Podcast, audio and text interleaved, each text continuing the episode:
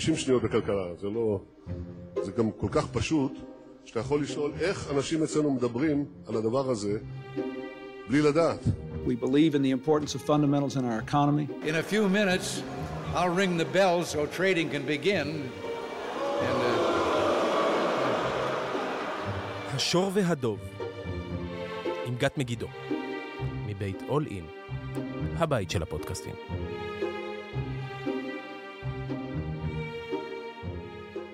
אהלן לכולם, ברוכים הבאים לפרק נוסף של השור והדוב, פודקאסט הפיננסים. אני גת מגידו, כיום שותפה ומנכ"לית של בית ההשקעות פינסה קפיטל. בעברי הייתי מנהלת ההשקעות הראשית של בית ההשקעות פסגות, ואני כאן כדי לדבר על כלכלה ושוק ההון וכל מה שביניהם. אז היום, הראשון לאוגוסט, ומצאתי לנכון אה, לסכם קצת את חודש יולי, לדבר קצת על מה שקורה במדינתנו ה... במדינתנו ה... לא יודעת, העדינה, שברירית, לא יודעת איך, אה, מה הסופרלטיב המתאים. אז אה, חודש יולי היה מאוד סוער ותנודתי בבורסה הישראלית, אה, והאמת שזה היה הטריגר מבחינתי לדבר עליו, להקדיש לו פרק. אז האמת כשמסתכלים על יולי, הוא דווקא התחיל והחזיק לא רע בשלושה שבועות הראשונים של החודש. נפתח בסערה, כמו שאומרים, עם עליות, ומדדים היו עם ביצועים אה, מאוד חיוביים, חד-ספרתיים מרשימים, ועם מחזורי מסחר גבוהים, שאולי לא לכולם זה, לא, לא את כולם זה מרשים, אבל שוק שבעצם עולה או יורד על uh, היקף עסקאות קטן, זה בעצם משהו שהוא קצת פחות משכנע, כי הוא לא, אין בו עומק. והחודש ראינו שהמחזורים היו גבוהים משמעותית מהמחזורים הממוצעים. זאת אומרת, היה היקף משמעותי של כסף ש, אה, שנכנס לבורסה. ואתם יודעים, הבורסה הישראלית סובלת מתחילת השנה מביצועי חסר די משמעותיים, ויש סוג של חוסר עניין, חששות של משקיעים לאור הסביבה והאירועים הפוליטיים, אה, וגם סכומים גדולים של כסף שמשקיעים הוציאו מהשוק הישראלי, חלקו הועבר לשוקי חו"ל, חלקו הועבר לפק"ם. אז לאירועים החיוביים יש כמה אינדיקציות, כדי באמת לבדוק אם הם משכנעים. אז ה... אני רוצה ככה לדבר על האינדיקציות האלה, על מה להסתכל. אז הדבר הראשון, אה, והוא מאוד ברור, במיוחד בתוך הסיטואציה המאוד מאוד מקומית שיש לנו בישראל, אה, כי בעצם הוויכוח הפוליטי הזה סביב החקיקה המשפטית מייצר משקולת מקומית. והמשקולת הזו היא בעצם, בהגדרה שלה, היא עליית הסיכון בשוק המקומי. ואחד הדברים הכי נכונים להסתכל עליהם כשיש עולה סיכון של מדינה, זה בעצם איך המטבע שלה מתנהג מול הדולר, או איך המטבע שלה מתנהג מול סל מטבעות. ובאמת מה שראינו זה התחזקות אה, מאוד אה, אה, משמעותית אה, של הדולר, והיחלשות של השקל כמובן. וביולי קרה ההפך, השקל חזר והתחזק מול הדולר. אה, בשנים האחרונות, אגב, השקל היה המטבע מהחזקים בעולם. אז הוא הרים את ראשו, ו... וזו אינדיקציה לירידת סיכון. אה, כזה מהלך, בדיוק כמו שכשדיברתי בעבר על הסיפור הזה של fly to safety, כאילו איך, איך מתנהלים כשרוצים להקטין סיכון, אז בין היתר קונים דולר. אז, אה, אז פה הייתה לנו את הפעולה ההפוכה, והיא אינדיקציה לתפיסה של סיכון נמוך יותר של המשקיעים, שמאפשרת לשקל להתחזק. אה, ובאמת מי שרוצה לדעת איך השוק מתייחס לאירועי החקיקה והמחאה, אה, מומלץ לעקוב אחרי ההתנהגות של השקל דולר. אז במרבית חודש יולי השקל אה, התחזק מול הדולר, ו... אה, ואחת הדרכים באמת להסתכל מה עשה הדולר מול מטבעות אחרים גם בעולם. זאת אומרת, לפעמים הדולר יכול להתחזק מול השקל, לא בגלל שהשקל נחלש, כאילו מסיפור שהוא השקל, אלא פשוט כי הדולר מתחזק גם בעולם מול מטבעות אחרים. אבל מתחילת השנה, הדולר באמת התחזק בעולם, אבל הוא התחזק עוד יותר מול השקל. זאת אומרת, באופן יחסי השקל נחלש. ובמהלך יולי הגיעו נתוני אינפלציה אה, שהמשיכו להראות שהמגמה בארצות הברית של האינפלציה מתמתנת, ועוד נתונים אה, נוספים כלכליים חזקים, שדווקא גרמו לדולר להיחלש מול מטבעות אחרים, אני בסוף אדבר על זה עוד פעם. ובישראל, בשלושת השבועות הראשונים השקל התחזק מול הדולר, ירד כבר מתחת ל-3.6 שקלים. זו הייתה פחות או יותר הנקודה הנמוכה שלו ביולי. ואז מה קרה? מגיע 23 ביולי, והחקיקה עוברת. וללא הסכמה, מה שנקרא, או ללא הסכמה רחבה, אה, ותחת מחלוקת, והתגובה הייתה ממש מיידית. ההודעה על החקיקה הייתה בשעות הצהריים המאוחרות, והבורסה עדיין עבדה, וגם המסחר בשקל דולר כמובן, והדולר מיד זינק לכמעט לאזור ה-3.73, וזה היה איתות, ובעצם תגובה מיידית לחשש שחזר לשולחן של המשקיעים. אז ממה הם חוששים? הם חוששים מהידרדרות כלכלית, חוששים שמשקיעים זרים לא ישקיעו בישראל בגלל האי-היציבות הפוליטית וחשש אולי לאי-יציבות משטרית. אה, אגב, אמרתי שהשקל באמת היה אה, מטבע מאוד חזק, יש לזה המון המון הסברים פונדמנטליים, ובעיניי אם נסיר את הסיכון שאנחנו מתמודדים איתו עכשיו, כל הסיבות המבניות החזקות שתומכות בשקל, אה, הן לגמרי קיימות עדיין. אמ, אז מאז נקודת השיא של ה-3.73, אמ, השקל דולר, אה, השקל דווקא חזר אה, אה, להתחזק לאט. היום בבוקר הוא, הוא כבר ירד מתחת ל-3.7. אמ, אז, אז, אז זה על השקל דולר. הדבר השני להסתכל עליו, זה, יש שני דברים, זה שוק המניות ושוק האג"ח בישראל. וגם כאן, בשלושת השבועות הראשונים של יולי, הייתה עלייה חדה בשוק המניות בהובלת החברות הגדולות. אז מי אלה החברות הגדולות? חברות שנמצאות במדד תל אביב 35, זה יכול להיות בנקים, חברות נדל"ן גדולות, אה, חברות אנרגיה, פארמה, אה, תעשיות ביטחוניות, תמצאו שם את אלביט מערכות, את בזק, כמו שאמרתי, את הבנקים, את קבוצת דלק, ובעצם הרבה מאוד שמות מוכרים שהם החברות עם השווי, שווי שוק הגבוה ביותר בבורסה בישראל. ויש תופעה ידועה שבעת משבר או אחרי ירידות חדות בבורסה, כשמתחילים להגיע הסימנים להתאוששות, אז בעצם בדרך כלל, קודם כל, מי שעולות זה החברות עם השווי שוק הגבוה, מה שקרוי ה-large caps. ולמה זה קורה? אז יש לזה כמה סיבות. אני חושבת שהסיבה הראשונה, שקודם כל זה עניין של נזילות. אה, צריך להבין ש... אולי משקיע קטן אה, או משק בית שמשקיע בבורסה, אז אם הוא רוצה לקנות 100 אלף שקל או מיליון שקל, זה עדיין סכומים קטנים לבורסה ואין לו בעיית נזילות. אבל כשאתה משקיע גדול, קרן פנסיה או גופים מוסדיים, הם בעצם רוצים להיכנס לשוק כדי להצליח לעשות את זה בסייזים גדולים, הם צריכים להשקיע בניירות נזילים. ואז, לכן, כשרוצים לקבל חשיפה מהירה, הדרך הכי קלה זה להתחיל קודם כל לעשות את זה דרך החברות הגדולות, שיש בהן מסחר אה, אה, באופן יחסית בהיקפים גדולים יותר.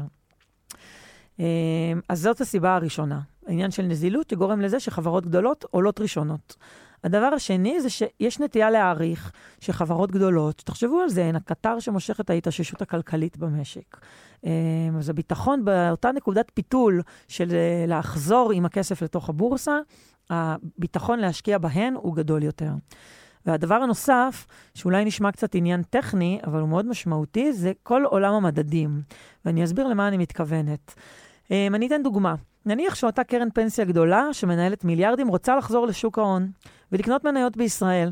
אז אמרנו שהיא תתחיל לרכוש מניות גדולות שנהנות ממחזורים גדולים, ואחת הדרכים שהיא יכולה לקבל חשיפה חשיפה מהירה, זה או לעשות את זה דרך אופציות ולקנות מה שנקרא קולים על המדד, אה, שזה בעצם באופן עקיף כמו לקנות את, ה, אה, את המדד, ואופציה נוספת זה פשוט לקנות מכשירים שעוקבים אחרי המדד. קרנות צה"ל, בחו"ל זה ETFים. עכשיו, מה מנהל קרן הסל עושה? הוא מקבל ביקוש מאותו גוף מוסדי, תקנה לי 100 מיליון במדד, הוא הולך ומה שנקרא מתכסה, הוא קונה בעצמו. Um, עבור אותו מוסדי את אותן מניות שנמצאות במדד ומייצר להן ביקושים. וגם זו דרך יחסית uh, קלה uh, להיכנס לשוק מהר. ובאמת ראינו שהיו הרבה פעילות, הייתה הרבה פעילות uh, סביב המכשירים האלה, uh, ובאמת ראינו שגם בסופו של דבר ביולי, uh, המניות הגדולות עשו uh, ביצועים עוטפים. Uh, עכשיו, מה שמאוד מעניין, ואני מאוד אוהבת, אני הרבה פעמים מוצאת את עצמי מסבירה שציפיות משקיעים, בשוק, כמו שהן מגולמות בשוק ההון, והמצב הכלכלי בנקודת זמן ספציפית, לא תמיד חופפים, אפילו בדרך כלל לא חופפים, כי שוק ההון תמיד הוא מין זירה כזו שמתנהלת על סמך ציפיות והערכות לעתיד, ולא רק מה קורה בהווה. ולכן אני חושבת שזה מעניין לדבר על זה, כי תחשבו שנייה מה קרה ביולי, שלושה שבועות השווקים עלו, השקל התחזק, למרות שברמת השיח ברחובות ובתקשורת הכל עדיין געש סביב אה, החקיקה. המתקרבת, וסביב ניסיונות להגיע להסכמה שעלו בתוהו, והשוק בפועל, עד היום בו עברה החקיקה, אם אנחנו מנסים להסביר את זה בדיעבד, דווקא גילם ציפיות להסכמה רחבה, או להגעה לאיזושהי אה, פשרה. אה, וכמובן שיכול להיות שפשוט כמה משקיעים גדולים, וגם כמה פרטיים, החליטו שהביצועי חסר בישראל מול המדדים המובילים בארצות הברית ובאירופה, הפכו את השוק בישראל להיות מעניין עבורם, ו... ופשוט קנו. אתם יודעים, לפעמים שואלים אותי למה השוק עולה, אז אני פשוט עונה, יש יותר קונים ממוכרים. מה נעשה? לפעמים זה פשוט ככה. אז אתם מבינים שבדיעבד הכל ברור, ותמיד אפשר להסביר באיזשהו סיפור הגיוני את מה שהיה, אבל לחזות את זה מראש במדויק, הרבה יותר מאתגר. אז רק כדי לסבר את האוזן, העלייה בחודש יולי הייתה כבר, רגע לפני החקיקה, כבר מעל 8%, אבל אחרי החקיקה, השווקים ירדו בחדות בממש 24 שעות. מדד תל אביב 25 התממש בסביבות ה-4-5%, אם אני אה, לא טועה, אבל בפועל עדיין אה, גם בימים של לקראת סוף החודש, אחרי תשעה באב, ראינו את השוק כן אה, אה, ככה מרים את הראש, שוב, עם הרבה רוח גבית של השווקים בעולם, ובסופו של דבר, אה, החודש הסתיים בעליות אה, מרשימות, מדד תל אביב 35 עלה 7 אחוז, 125 עלה סביב 6.5 אחוזים, ובעצם, אה, אה, למרות שהמדדים ב-24 שעות אחרי החקיקה ירדו בחדות, הם כן הצליחו להתאושש בימים האחרונים של סוף החודש. ואני שואלת אתכם, תגידו, הייתם מצפים בשבוע שעבר, כשעברה החקיקה והדולר זינק שהבור, והבורסה צנחה, שתוך כמה ימים ספורים השוק יתקן בחזרה? כי אתם יודעים, זה לא, זה לא טריוויאלי, ואני אוהבת להסתכל על הדברים האלה בדיעבד ולחשוב ככה מה חשבנו באותה נקודה. אמ, אבל הדבר הזה מביא המון המון תנודתיות. בעצם השוק עצבני, עולה, יורד, עולה, יורד, לפעמים ממש תנודתיות תוך-יומית, אמ, שהיא סממן לאותה עצבנות ואי-ודאות. אמ, אה, זהו. אז אם אתם שואלים את עצמכם, איך, כאילו, מה מסביר את זה שהשוק הישראלי בכל זאת תיקן? אז, אז נגעתי קצת בעניין של מה שקורה בחו"ל, כי זה אף פעם לא במנותק. זאת אומרת, השוק פה עשה ביצועי חסר בגלל חששות מאוד גדולים על המצב המקומי, אבל הוא כן מסתכל כל הזמן מעבר לים. אמ, ובסוף כשמסתכלים לפחות לנקודת, לנקודת הזמן הזו, המצב ה... בארצות הברית נראה בפועל טוב מהמצופה. היו חששות מאוד גדולים לקראת 2000, סוף 2022 ולקראת תחילת 2023, וגם במהלכה, שארצות הברית תיכנס למיתון השנה, והיו המון תחזיות לירידות חדות של המדדים, ובפועל ראינו כיוון אחר. ותזכרו שכל זה קורה על רקע עליית ריבית מהירה מאוד בהובלת הפד, באמת כחלק מאותו טיפול אגרסיבי באינפלציה הגבוהה. אמ, אני לא רוצה לחזור על עצמי, אז מי שרוצה יכול כמובן להקשיב לפרק סיכום של מחצית הראשונה של 2023 שעשינו, שעלה לא מזמן, אה, ולקבל שם ממש את ההסבר המלא. אני מדברת שם ממש באריכות, אז אני לא רוצה, לא רוצה לעשות את זה שוב.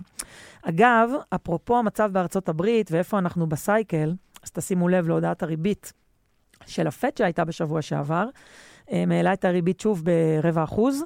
אמ, אני מזכירה לכם שבישיבה הקודמת לזו הם החליטו להמתין ולקבל עוד נתונים, ובעצם איתתו שקצב העלאות הריבית יתמתן, אבל שהם מאוד תלויים בנתונים שהתפרסמו uh, מעת לעת.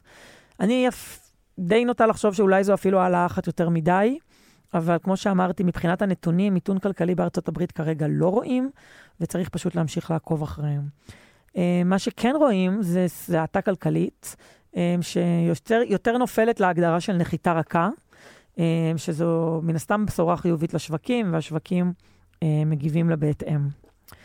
אה, גם תשימו לב, מדדי המניות בארצות הברית עולים זמן רב. הם עשו ביצועים חזקים שמיטב המוחות לא צפו. ולאחרונה כל מיני כלכלנים ואסטרטגיים פסימיים ירדו מהעץ ושינו את החזיתם הקודרת, ובאמת מדברים יותר על עולמות של האטה, אבל בדרך של נחיתה, נחיתה רכה.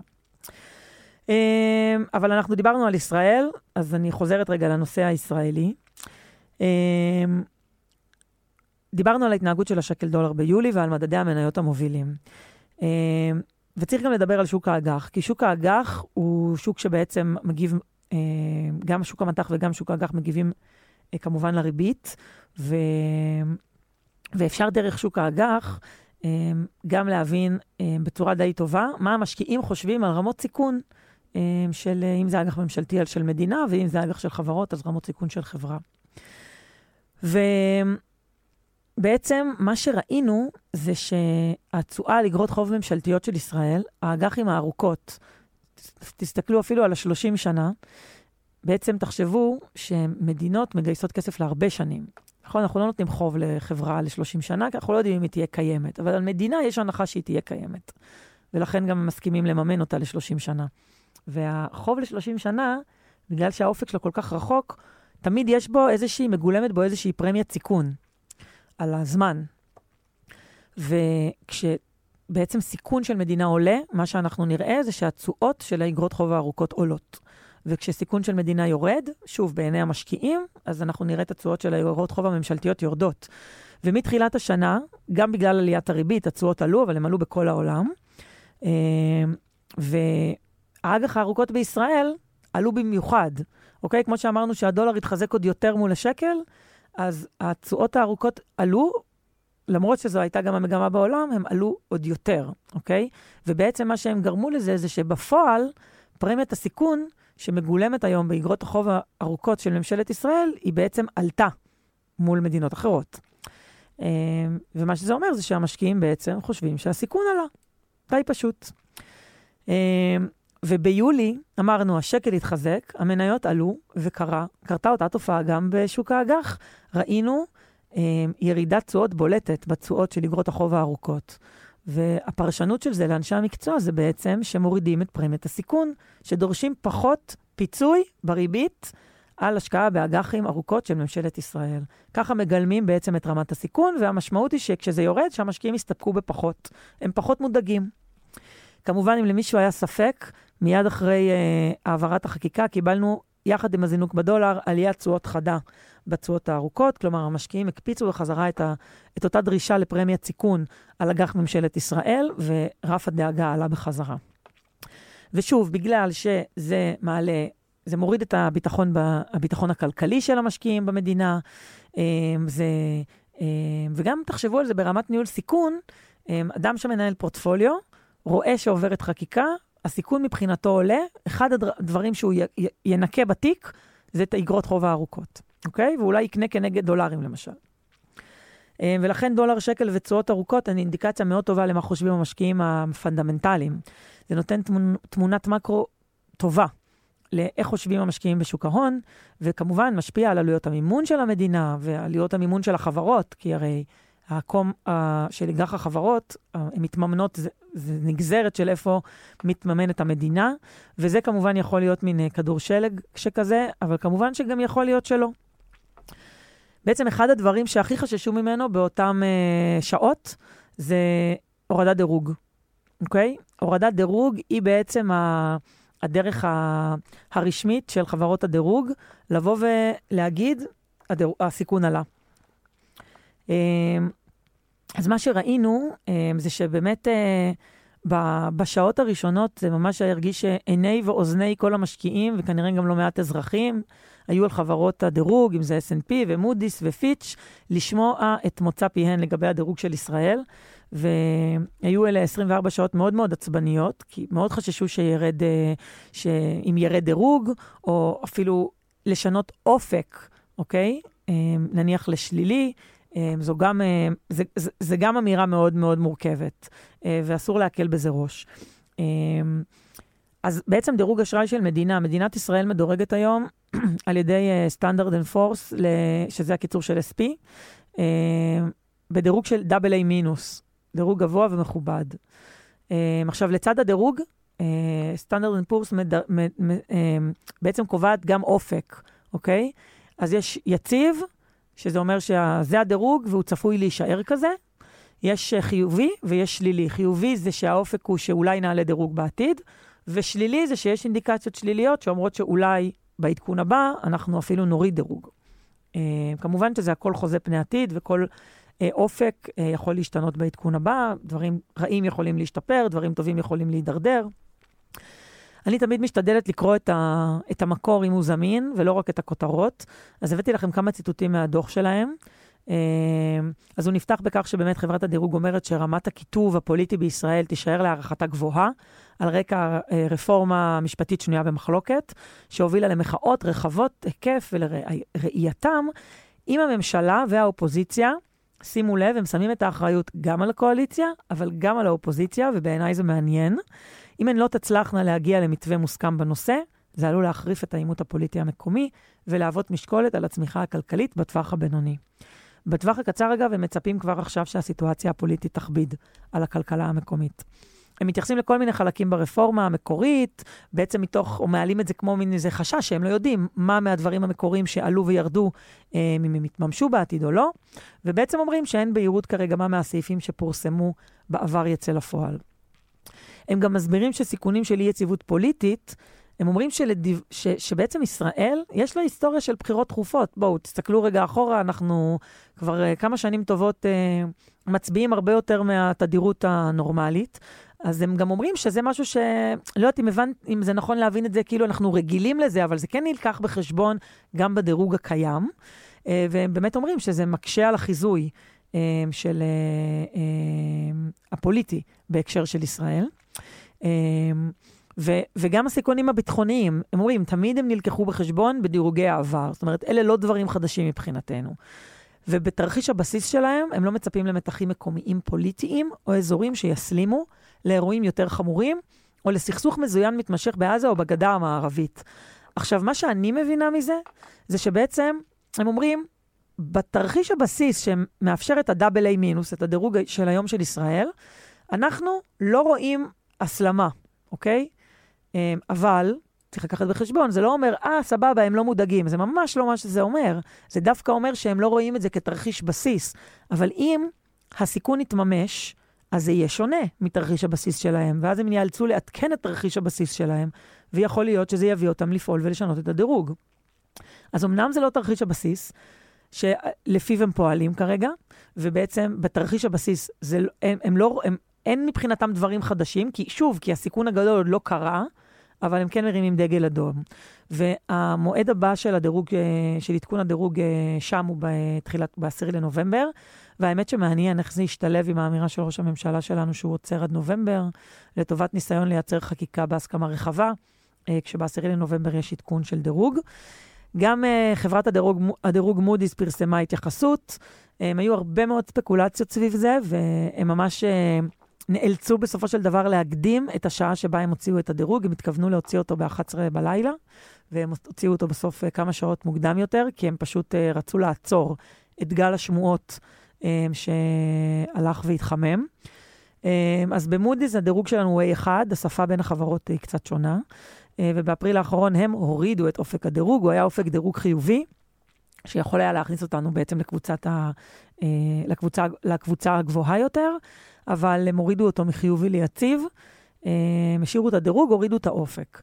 וכן נתנה אינדיקציה, וזה כן נותן אינדיקציה שאם האירועים, אה, אה, אם הם יוסרו, יכול להיות שהדירוג, האופק יעלה חזרה, ואם הם יחמירו, אז יכול להיות שהאופק גם יהפוך לשלילי, או גם שנראה ירידת דירוג. ואסור להקל ראש ב, בירידת דירוג. אגב, מודי'ס גם התייחסו למגמה בעולם. הם כתבו שההייטק בישראל נפגע יותר מהמגמה, שההיקפים של ההשקעות ירדו בצורה חדה. אמ, רשות החדשנות מדברת על זה ש-80% מחברות ההזנק, שזה בעצם סטארט-אפים, בחרו השנה להתאגד בחו"ל, לעומת 20% ב-2022, שזה באמת מספר מאוד גבוה.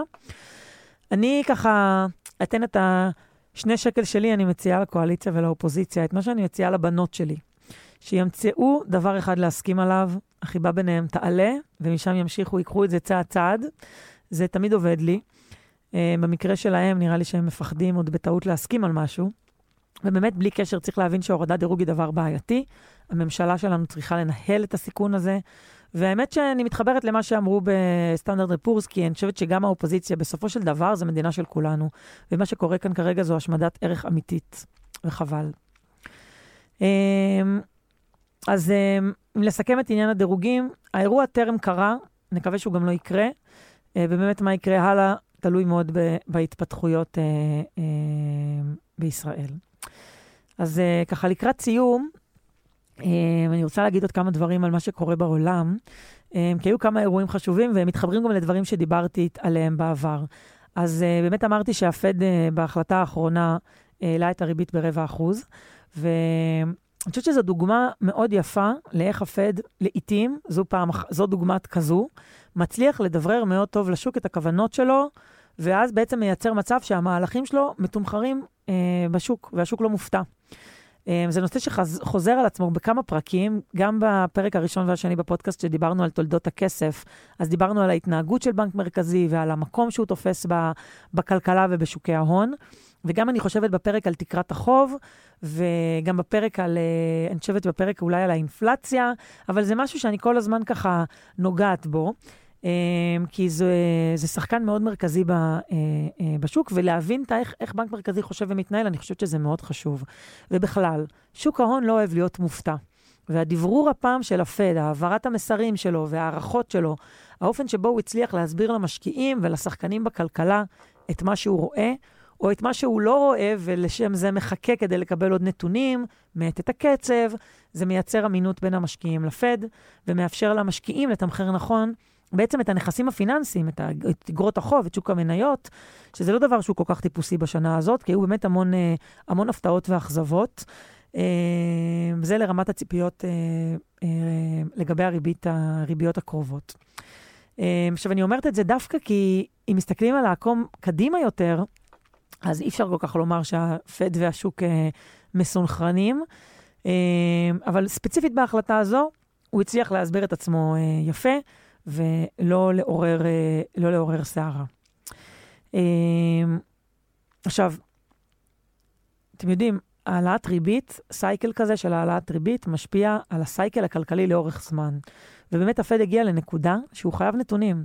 מעבר ללראות את ההתמתנות של האינפלציה, הוא חייב נתונים כלכליים כדי להבין מה קורה מעבר לאופק, ולכן הכל הרבה יותר מדוד וזהיר. הוא לא ממשיך באותו קצב אגרסיבי של העלאות ריבית, מתוך החשש להעלות את הריבית יותר מדי. בגלל שהנתונים הכלכליים בארצות הברית חזקים ממה שציפו, שוק העבודה מאוד חזק ולא כל כך רואים את ההיחלשות, אה, אז אה, הפד בעצם מעביר את אותו מסר שבטווח הרחוק, אה, שנה קדימה ואולי גם יותר, הריבית תישאר בגבהים האלה לזמן ממושך. ואז שואלים עד מתי, אז התשובה היא ש, שמבחינת הפד הוא רוצה שזה יישאר ככה עד שיראו את האינפלציה באמת נכנסת לתוך הטווח של ה-2%. המשקיעים לעומתו מעריכים שהריבית תרד מוקדם יותר, ולכן אנחנו רואים את המבנה הזה של עקום הפוך, שהריבית הקצרה יותר גבוהה מהריבית הארוכה. אה, הסיבה שהשוק חושב שה... ריבית תרד מהר יותר, זה כי חושבים שהנתונים הכלכליים יצדיקו את זה, בין אם זה כי חושבים שאולי האינפלציה תרד מהר יותר, או שיהיו נתונים פחות טובים שיראו על האטה כלכלית, שתצדיק את, ה, אה, את הירידה, ב, את ההורדה של הריבית. אה, עכשיו, אם כבר לדבר על ציפיות משקיעים לעומת הפתעות, אז הנה, אני אתן לכם דוגמה ממש מהשבוע, לאיך מפתיעים משקיעים. נטוס רגע ליפן, ואני כבר אסביר למה זה מעניין.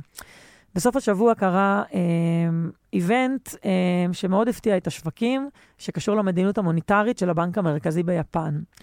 אה, הבנק המרכזי ביפן הוא חריג בנוף, הוא עד היום לא התחיל לרסן, לא העלה ריבית, לא צמצם, הוא שומר על מדיניות מוניטרית מרחיבה, בזמן שרוב השחקנים בשוק מעלים ריבית. המדיניות המרחיבה ביפן מתבטאת בזה שבעצם הבנק המרכזי מחזיק את התשואות בשוק האג"ח ברמה שהוא הגדיר. הם שולטים בטווח הקצר דרך הריבית, ובטווח הארוך, באיגרת חוב של העשר שנים, הם פשוט מחזיקים אותה על חצי אחוז ברמה היומית. היא לא יכולה לעלות מעל חצי אחוז. אם אתם שואלים את עצמכם איך עושים את זה, פשוט קונים ומוכרים איגרות חוב ממשלתיות, הבנק המרכזי, כדי לחזיק את ה... לגרום למחיר לגלם תשואה של חצי אחוז. קונה כל כמות כדי לשמר את זה. ואז בעצם מייצר אה, כסף זול. אז הייתה בהתחלה הודעה בסוף השבוע שהם הולכים להודיע משהו בהקשר לשינוי הרצועה, ואחר כך הם הודיעו הודעה שהרבה מאוד אנשים לא לגמרי הבינו אותה, כי הם כנראה דאגו במיוחד להיות מבלבלים. ובעצם מה שהם אמרו, זה שאם יש את הרצועה הזאת, שהם מחזיקים בה עשר שנים את התשואה על חצי אחוז, בצורה מאוד מאוד קפדנית, הם אומרים, אנחנו עכשיו נאפשר יותר גמישות. במדיניות המוניטרית, והסבירו את זה באופק של סיכוני אינפלציה אפשריים. ואני לא רוצה לסבך אתכם בפרטים, אבל באמת שהבנק היפני התאמץ להיות מעורפל, ותמיד הנקודות האלה של לעבור ממדיניות מוניטרית מרחיבה לרגע שאתה מדבר על מדיניות יותר מרסנת, תמיד, כאילו, מאוד מאוד קשה לא להפתיע, אבל הם באמת הפתיעו בצורה, אה, בצורה מאוד בינארית כזאת. אה, ולמה זה מעניין? כי המשמעות של הדבר הזה, למרות שזה ממש צעד ראשון, זה שכנראה הבנק היפני מתחיל לאותת על פעולות מצמצמות במדיניות המרחיבה שלו, גם אם זה ממש בצעדי תינוק. ואיך יודעים, אגב, שיש נתון חדש שמפתיע? הנכסים הפיננסיים מגיבים, יוצרים, ההודעה מייצרת איזושהי תגובה חדה בשווקים הפיננסיים. אה, ולכן אני חושבת שזו דוגמה טובה למהלכים שלא מתומחרים. כי כשיש הודעה אבל לא קורה כלום במחירים, זה אומר שאף אחד לא מופתע. אז מה זה עשה? זה קודם כל הביא לתגובה של התחזקות של היין, כמובן, המטבע היפני מול הדולר, ולמימוש בשוק המניות ובמחירי האג"ח היפנים. אבל מה שמעניין זה שזה לא השפיע רק ביפן, זה גרם לעלייה של תשואות האג"ח גם באירופה ובארצות הברית.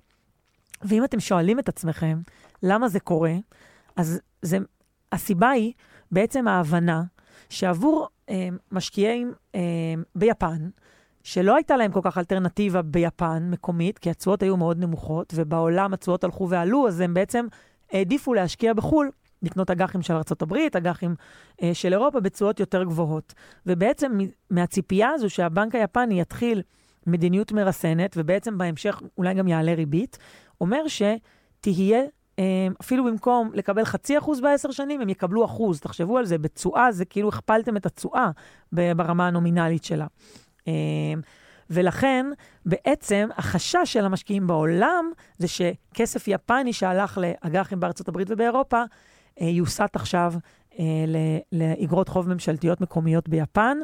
ודרך אגב, היפנים מחזיקים, אחד המחזיקים הגדולים של אגרות חוב ממשלת ממשלת ארצות הברית. אה, אז אה, זה מאוד מאוד אה, מעניין גם את המשקיעים באג"חים בארצות הברית. אגב, דיברנו על ארצות הברית, על יפן, אז נגיד גם מילה על אירופה. באירופה העלו את הריבית שוב, ובינתיים הם אמנם גם כל הזמן מדברים על לעקוב אחר הנתונים, כי באמת שצריך נתונים כדי לקבל החלטה, יש המון המון ערפל, אבל באירופה, משונה בארצות הברית, הנתונים הכלכליים מדאיגים, ולא טובים, ומראים התקררות מאוד משמעותית, גם בתעשייה, גם בשירותים, אבל הבעיה שם זה שהאינפלציה לא מתמתנת, ולכן הבנק המרכזי האירופי ממשיך להעלות ריבית, וזה עלול אה, להיות אה, בהמשך מאוד מאוד בעייתי. אני מאוד ממליצה למי שלא שמע לשמוע את הפרק על האינדיקטורים הכלכליים, הוא באמת מסביר מאוד טוב איך מסתכלים על הדברים האלה, כי אלה הדברים שמעניינים היום את הבנקים המרכזיים. אתמול למשל פורסם סקר קציני האשראי אה, בארצות הברית, שהוא אינדיקציה מאוד טובה לתנאים הפיננסיים שרואות החברות אה, שהן באות ללוות כסף, ורואים באמת המשוך, המשך של הידוק. אה, זאת אומרת, התנאים הפיננסיים יותר, קשוח, יותר קשיחים, וחברות לוקחות פחות אשראי, וזה דבר שיש לו מן הסתם השפעה על הכלכלה, אה, בכיוון של מצמצם אותה וגורם להאטה כמה רבעונים קדימה. אז אה, דברים שבאמת יכולים לעזור ב... בלנסות לשרטט את המסלול אה, מה יהיה בעוד כמה חודשים. זהו, אנחנו נסיים כאן.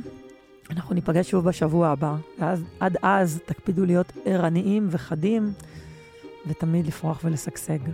צ'או.